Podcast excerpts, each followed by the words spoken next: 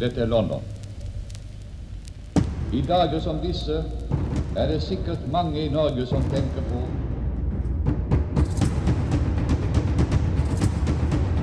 Jeg vet at jeg i denne sendingen når langt utover havet, vestover, der det ennå er kveld. Hei, velkommen tilbake til eh, en ny promeepisode for uh, podkasten Hitlers eh, krig. I dag sitter jeg her eh, sammen med Asbjørn Svarstad. Mitt navn er Erik Hattrem. Og tenk på det her, da. Han kjempesjefen Heinrich Himmler og nestsjefen Reinhard Heidrich drev et bordell, altså et bordell drevet av sikkerhetstjenesten, for å utspionere utenlandske diplomater og eh, sitt eget rikes toppsjefer. Salon Kitty i Berlin var et slik etablissement. Og nå snakker vi Berlin og begynnelsen av krigen. Ikke sant, Asbjørn? Jo, dette er uh, 1939 om sommeren. Da får uh, Heidrich en sånn kjempeidé når han sitter, som han ofte gjør, og leser en av de mange bøkene om britisk etterretningstjeneste. Det er gjerne der han har eh, plukket opp mange av tipsene til sine verste skurkestreker. Og dem var det jo blitt en del av i løpet av 30-tallet. Nå har han fått det for seg at eh, et bordell, det måtte være saken. For da kunne de ha mikrofoner i veggene, og så kunne de ha folk til å sitte og lytte på det som diplomater eh, og egne toppsjefer i den tyske nazistaten måtte finne på å avsløre av statshemmeligheter når de befant seg eh, på enerom med en kvinne, en vakker kvinne. Eh, han eh, tok det opp med Himmler, som ga sin tillatelse, og så satte han eh, Walter Schellenberg, den senere sjefen for utenriksspionasjen i Reichssicherheitshauptamt, men nå fortsatt bare oberstløytnant, eller oberstormannfyrer, som det het i SS, i Sicherheitsdienst. Han eh, satte i gang med å få hyret inn 20 kvinner. Jentene skulle være språkmektige, de måtte beherske minst to utenlandske språk, eh, og de måtte være dannede piker. De måtte selvfølgelig være troende nasjonalsosialister, altså nazister. Disse ble jaktet av eh, politiet sin eh, prostitusjonsenhet. Og etter hvert så hadde Schelenberger sammen det han trengte. Disse kvinnene ble tvangsforpliktet, som det het. Altså, det var en slags militærtjeneste i stedet for å bli satt til tvangsarbeid i industrien, i våpenindustrien f.eks. Så fikk de da offisielle dokumenter på at uh, de var uh, hyret inn av sikkerhetsdienst til uh, å drive med noe viktig for staten. Det sto selvfølgelig ikke hva det var, men nå vet vi det. De visste det heller ikke sjøl før de plutselig var på jobb? Jo, de fikk vite fra første øyeblikk hva dette handlet om, og de ble også samlet uh, i et par uker på et uh, kurssted. Hvor de uh, fra tidlig om morgenen måtte sitte på skolebenken og bli undervist. De ble satt inn i politiske forhold i Tyskland, internasjonale forhold, utenrikspolitikk. Ting som Eh,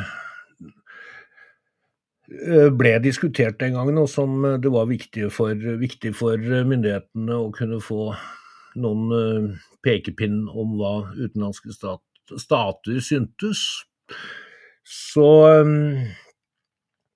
de ble en godt utdannet gjeng, og de måtte skrive under på at de var innforstått med at dette som de skulle utføre av oppdrag for staten, var underlagt spesiell sikkerhetsbegrensning, slik at eh, det var eh, statshemmelighet og dermed forbundet med automatisk dødsstraff. og komme til å snakke over seg og skulle finne på å røpe så mye som et ord til noen utenforstående om hva jobben mellom lakenene egentlig handlet om. Det ble Så det der var på en måte Matahari-linja? Det var rett og slett skolering i å bli spion der? Ja, det var viktig det at den som skulle søke informasjonene var, som du sier, skolert. At de var inne i politiske forhold og sånt. Og hvis ikke så ville de heller ikke være kompetente til å kunne stille de riktige spørsmålene. Som, som kjent er det viktigste ofte for å få de gode ja. svarene. Så alt det andre, det, det kunne han fra før? Det er det litt usikkert eh, om, fordi eh, vi vet ikke riktig hvem disse kvinnene var. Vi vet at i Giesebrechtstrasse nummer 11 i Charlottenborg, som er en fornem gate off Korfürstendam, uh, store, fine leiligheter der var det en kvinne som het Kitty Schmidt, som eh, på begynnelsen av 30-tallet antagelig åpnet eh, en bordell, men eh, bare for folk som hadde virkelig god råd og dyr smak. Hvem som helst kunne ikke bare komme dinglende der, det måtte være folk som kunne oppføre seg, og som var i stand til å skrive, spise med kniv og gaffel og, og føre en dannet samtale. Kitty Smith hadde mange venner uh, i den berlinske middelklassen. Det ser ut som hun hadde mange jødiske venner også.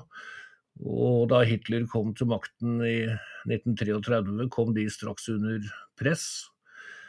De av dem som hadde verdier, eiendom, formue på en eller annen måte, de skjønte at det gjaldt å få det omsatt i rene penger, og se å få pengene ut av landet så hurtig som mulig, fordi hvis ikke så vil det bli umulig.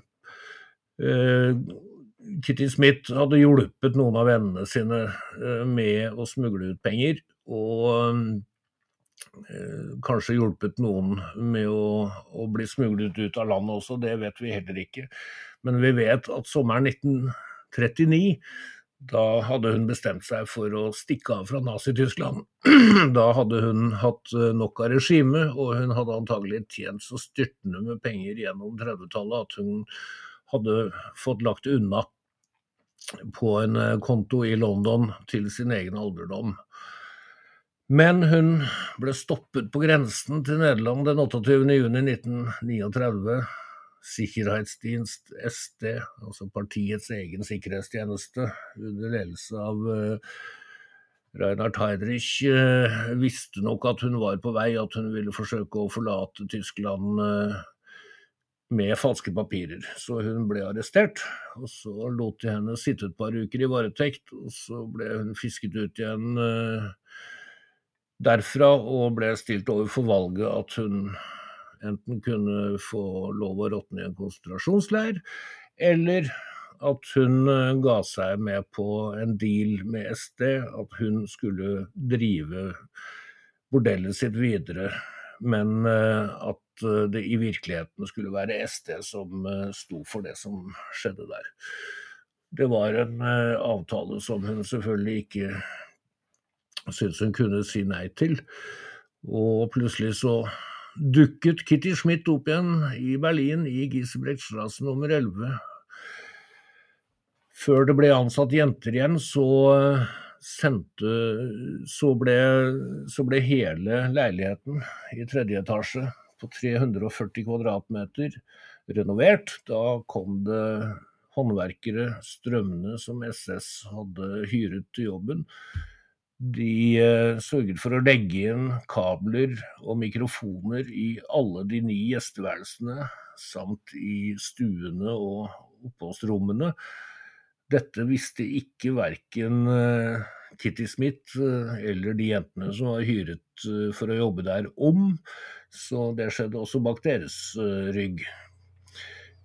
Du har jo bodd i Berlin kjempelenge, Asbjørn. Ikke nesten 30 år du har bodd der. Vet du hvor, der, hvor, hvor akkurat den er, den plassen ja, nei, jeg, jeg, bodde to kvartaler unna i et par år på 90-tallet, så jeg, jeg, gikk forbi der uh, ofte flere ganger om dagen, Ja. Og da kjente du den historien ja. der godt? Jeg Da, å, da, da kan jeg tenke meg at du mange ganger har rundra det over alt som måtte ha blitt eh, sagt til de eh, veggene der i den perioden som vi nå snakker om. Ja, det kan jeg love deg at det var ikke småtterier. Eh, det var det nok heller ikke den gangen jeg bodde i nærheten der, men det er en annen historie. Ja, men er det, er det skilt det, det kan bli en egen podkast, men er det, er det skilta altså for turister at det her var eh, Kitty Nei, nei det, det, er ikke, det er ikke, står ikke noe sted at det er det. Det er ikke en sånn del av byhistorien som de husker offisielt, selv om Da sier vi det sånn at hvis folk er i Berlin eller skal til Berlin og vil vite om det her, send oss ei melding på Hitlers krig på Facebook, så skal Berlinguide Asbjørn gi en kort og enkel veibeskrivelse. Det er veldig enkelt å finne fram dit. Det var det også i, eh, på våren 1940, da hele etablissementet var eh, nyrenovert etter alle kunstens regler, og uten, nesten uten at penger spilte noen rolle. Dørene åpnet. Stemningen var stor i Berlin, for eh, det så ut som det gikk bra med felttoget i Norge. Kundene strømmet inn, både egne generaler og go-lightere og regjeringsmedlemmer fra Berlin eh, sto plutselig på eh, utenfor og banket på hos eh, Salon Kitty. Og alle som kom, trodde at det som foregikk bak lukkede dører der, ble bak lukkede dører der. Det var hemmelig. Mens virkeligheten var slik at alle de 20 kvinnene som det var bilde av i den katalogen de fikk lagt foran seg når de kom inn, de var SD-agenter. Så de bladde gjennom utvalget på 20 og plukket ut den ene. Vedkommende ble da uh, eh, tilkalt på telefon og var på stedet 15-20 minutter senere. Og så åpnet det alltid med å dele en flaske sekt, og så var det løs. Men Hva kalte du drikka? det er tysk champagne. Men det fløt Ah. nok også med rikelige mengder av fransk champagne, selvfølgelig, og også andre kostbarheter, sånn som kaviar og andre dyre spiser, spiser. eh, Det, som, ting som man ellers ikke fikk i Berlin eh, fordi det var krig. Det var det overflod av på Salon Kitty. Og det var også gjester som hadde råd til å betale for slikt, selvfølgelig. Så det hang sammen, men det gjestene ikke kunne vite, var at i dette tilfellet så var det også Gestapo som sørget for at eh, menyen eh, var kost... Nei, hva heter det? var eh, overdådig. Eh, vi har hørt om tre utenriksministre som var gjester og kunder der. Den ene var Italias Galeazzo Chiano, som også var Il Duce, altså Mussolinis svigersønn. Han fortalte, mens eh, han lå der eh, uten noe annet på kroppen enn sine svarte sokker, at uh, svigerfaren pleide å, å gjøre, fortelle vitser om Adolf Hitler, og at han syntes at Hitler var uh, en latterlig oppblåst figur. Før klokka åtte morgenen etterpå så hadde Himmler rapport om dette på skrivebordet sitt, selvfølgelig, og før klokka var blitt tolv så visste også Hitler eh, hva som var blitt eh, fortalt om Il Duce, som han hadde et sånt vanskelig hat-kjærlighetsforhold til. Ja, for det var, det var jo Hitler som berga Ilduce når han ble avsatt i 44 og, sendte Otto Skorseni sine spesialsoldater for å hente han ut i en helt fantastisk spesialoperasjon. Så det må jo være et spesielt forhold som endte opp der, når Ilduce kunne si de tingene han sa om Hitler, og Hitler ikke ga han en kald skulder. Ja, men det var ren politikk. Det var for øvrig ikke Skorseni, men det var Luftwaffe fallskjermjegere som fikk ham løs igjen. Skorseni snek seg med og tok æren. Men det er også, Nei, det er også en annen historie. Ja. Ja, det, Den historien vil jeg i hvert fall høre en gang. for Hvis Skorseni har juksa til seg den, så har han jo kanskje juksa til seg en av krigens mest kjente spesialoperasjoner. Ja, men det, det er ingen tvil om at det var det som skjedde. Um, men hvis vi skal tilbake igjen til uh, Giesebrechtstrasse, så uh, hadde de også som uh, gjest uh, sin egen utenriksminister, nemlig Joachim von Ribbentrop. Ingen vet hva, eller om han snakket over seg, men også en spansk utenriksminister på besøk i Berlin, en Sunier, landet hos Salon Kitty og hos damene. Det var flere kjente generaler i Wehrmacht. Og det var også flere mindre kjente folk som betrodde seg til kvinnene om at ja, de skulle ikke regne med å se dem igjen, for om to dager måtte de reise sin vei på hemmelige oppdrag. Og hver gang så greide selvfølgelig disse kvinnene å få lokket ofrene sine til å plumpe ut med hva det var de skulle. Den ene skulle delta, delta i angrepet på Norge. Det var en SS-offiser som kom på jobb neste morgen og fikk sparken på grått papir, pluss kjempetrøbbel med rettsvesenet og sikkert også konsentrasjonsleir. Um,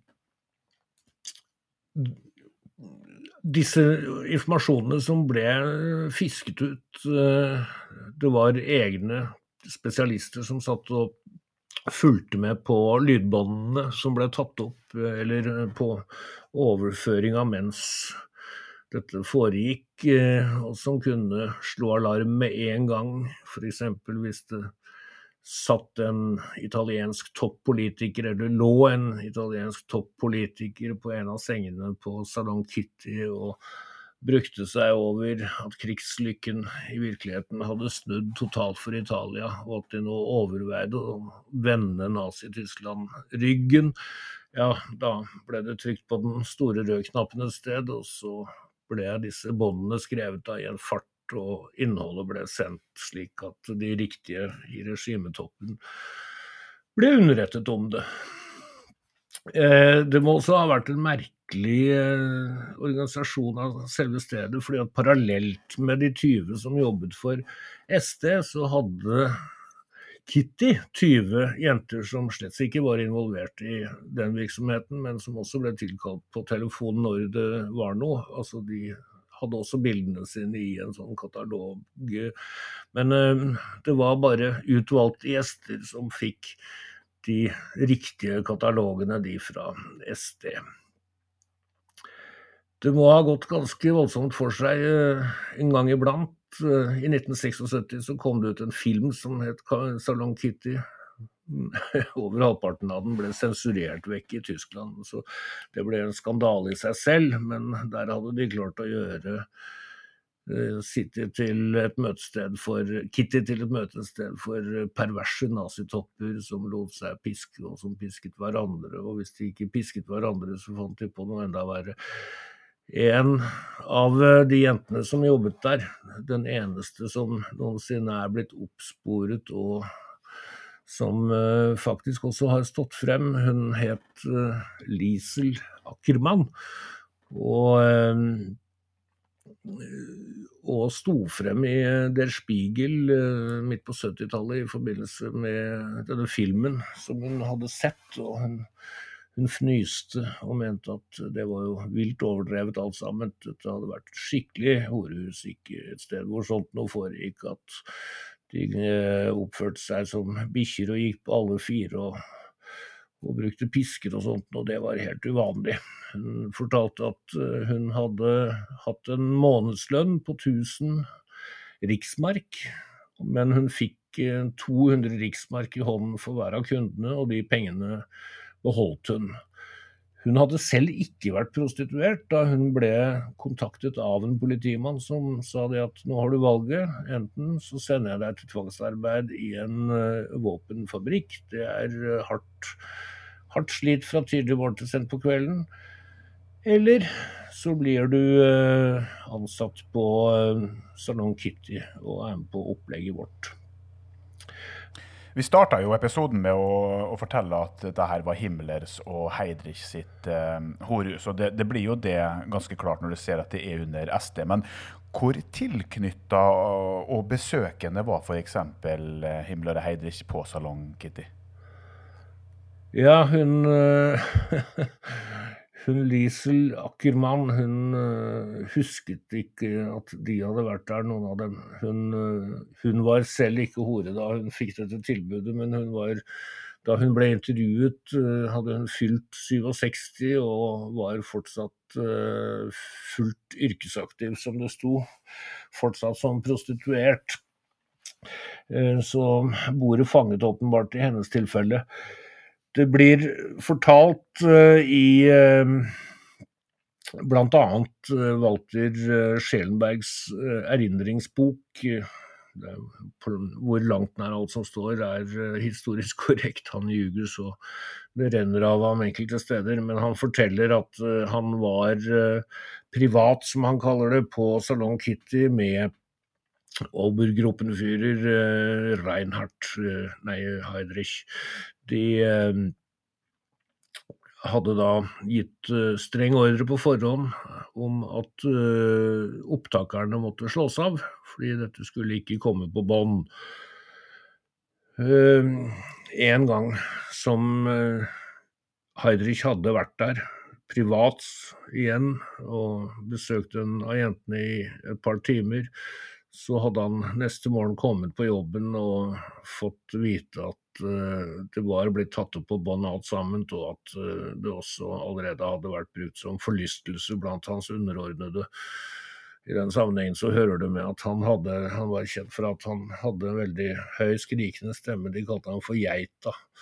Så det hadde visst vært mye hyling og skriking på det båndet. Og han var rasende og Schellenberg eh, var antagelig uskyldig i at det hadde skjedd. Han eh, holdt på å komme ordentlig i klemma hos eh, Himmler pga. det, men klarte å vri seg unna i siste øyeblikk. Så skjer jo det at uh, Rei, ja, Reinhardt uh, ble riksprotektor i Tsjekkia, og han uh, ble angrepet, eller han ble utsatt for attentat den 7. mai, 27. mai 1942 og døde den 4. juni. Etter at uh, han var død, så var det også klart uh, at uh, Salong Kitty gikk på siste verset, fordi Walter Schelenberg selv hadde begynt å miste interessen. Han så at ga på langt nær, eh, nær, eller på langt nær hva det kostet. Det, det var jo forbundet med store utgifter, men egentlig så var ikke informasjonen såpass av en sånn kvalitet og mengde at eh, det var verdt det. Og så skjer også det at noen få uker senere så blir eh, eiendommen truffet av eh, en bombe som slår gjennom taket og slår et stort hull i eh, den leiligheten hvor Salong Kitty lå på tredje etasjen. Sånn at etterpå så er bedriften ødelagt, kan du si. Gestapo reagerte da med å lukke, stenge hele kvartalet før eh, brannvesenet var overhodet ferdig med å slukke. Og sørge for å sende inn sine egne spesialister for å rive ut igjen alle bevisene, alle mikrofonene og ledningene som var skjult i veggene der. Og så flytta de eh, ned i kjelleren, og så prøvde de å åpne opp igjen der.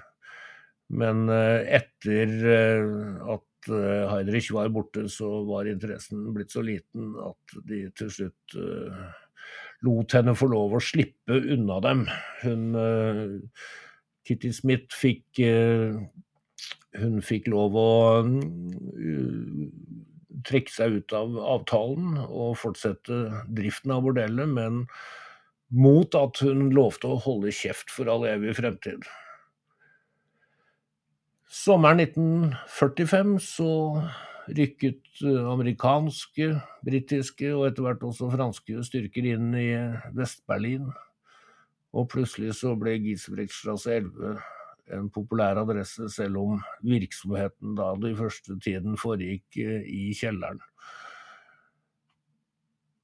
Kitty Smith fortsatte som horemamma frem til sin død i 1954.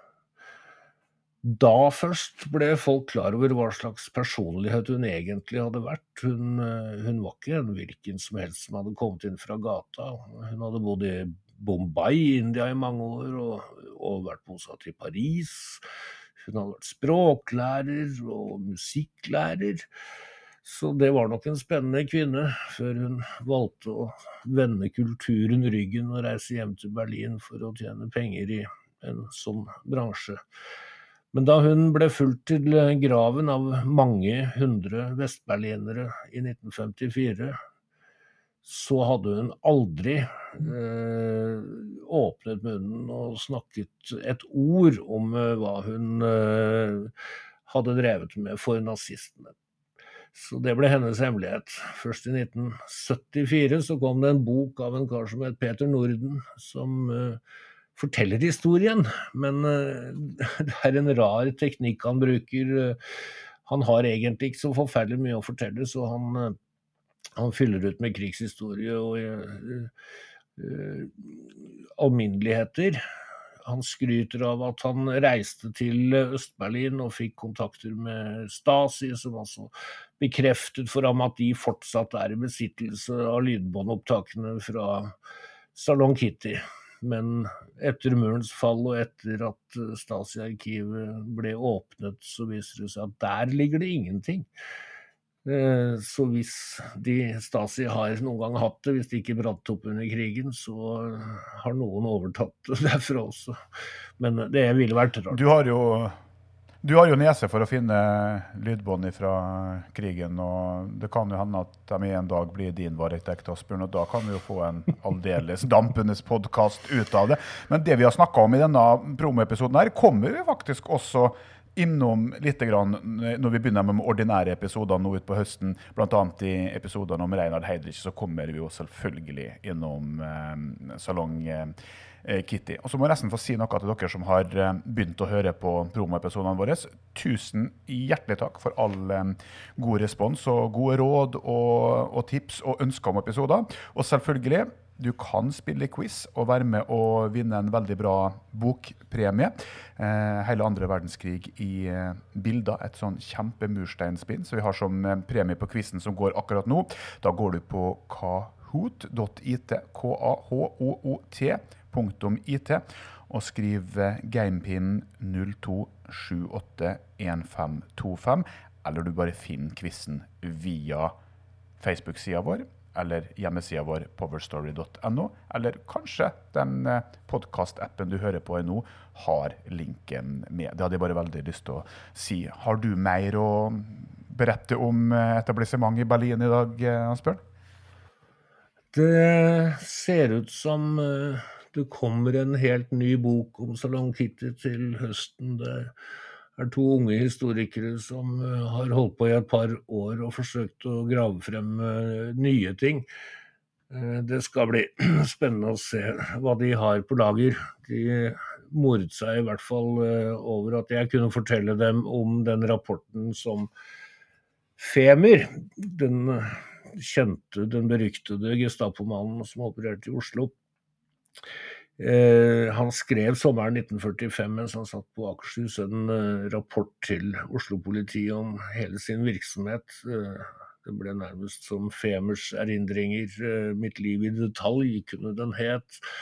Og der forteller han Mitt liv som svinpels? Ja. han var jo en vanlig politimann før krigen, og han forteller om uh, at han i egenskap av å være vanlig kriminalpolitimann i Berlin før krigen snublet uh, ved en tilfeldighet over en sak med en bordell hvor uh, det åpenbart foregikk avlytting av diplomater og tyske folk høyt på strå, men han hadde kommet tett på, og så plutselig så hadde han blitt, fått beskjed fra øverste hold om å komme seg unna, holde seg vekk fra den saken. så han hadde åpenbart vært i ferd med å finne ut hva kollegene i SD drev med. Mm. Eh, det er jo mange som prøver å leke detektiv og etterforsker opp også, og spør. De lurer på når uh, første ordinære uh, episode kommer. Kan vi gi dem en kryptisk melding på det? Snart.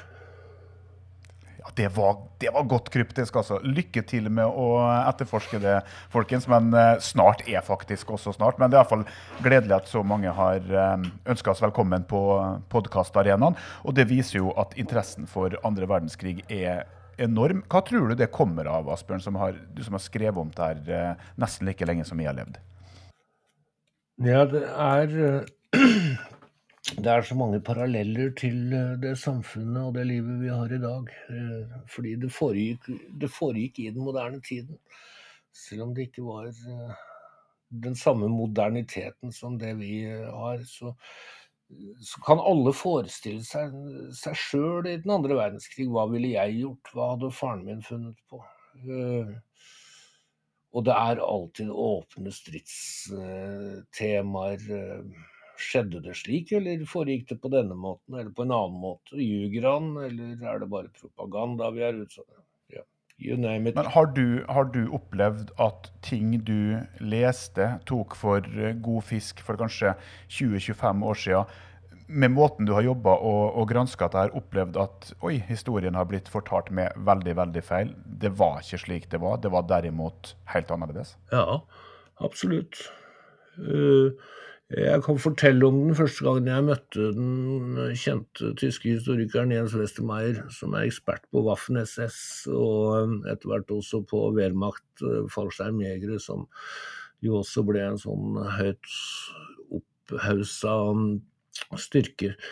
Han uh, sa at uh, jeg skrev den første boka mi om Waffen-SS, og den er jeg flau over. Det som skjedde, var at jeg som ung mann begynte å oppsøke disse miljøene og snakke med aktørene, de som fortsatt levde. Og de fortalte meg, alle sammen, og de var så hyggelige og vennlige. Og jeg trodde på alt de sa. Og etterpå så da jeg begynte i arkivene å sjekke selv, så skjønte jeg at de har løyet meg huden full. Og da bestemte jeg meg, sa han, for at uh, nå skal jeg finne ut hva som egentlig skjedde.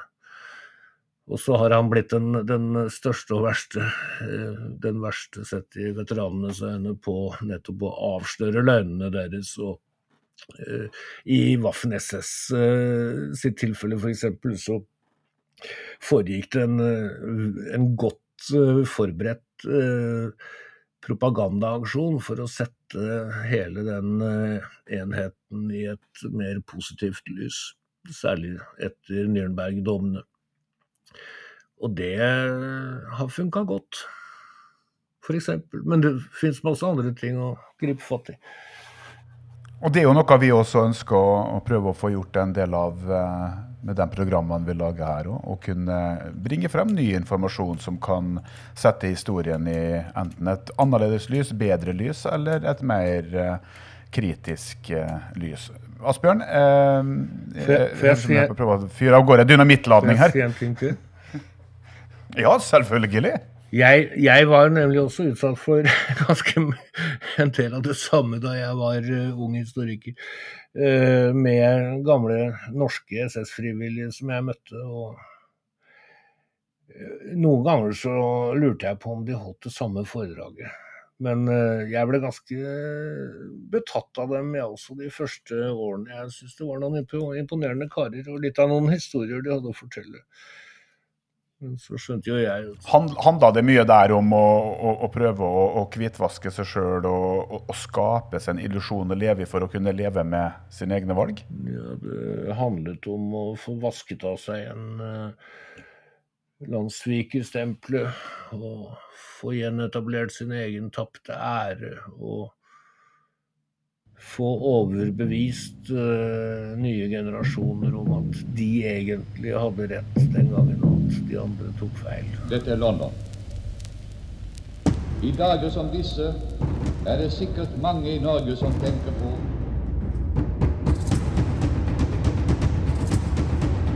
Jeg vet at jeg i denne sendingen når langt utover havet, vestover der det ennå er kveld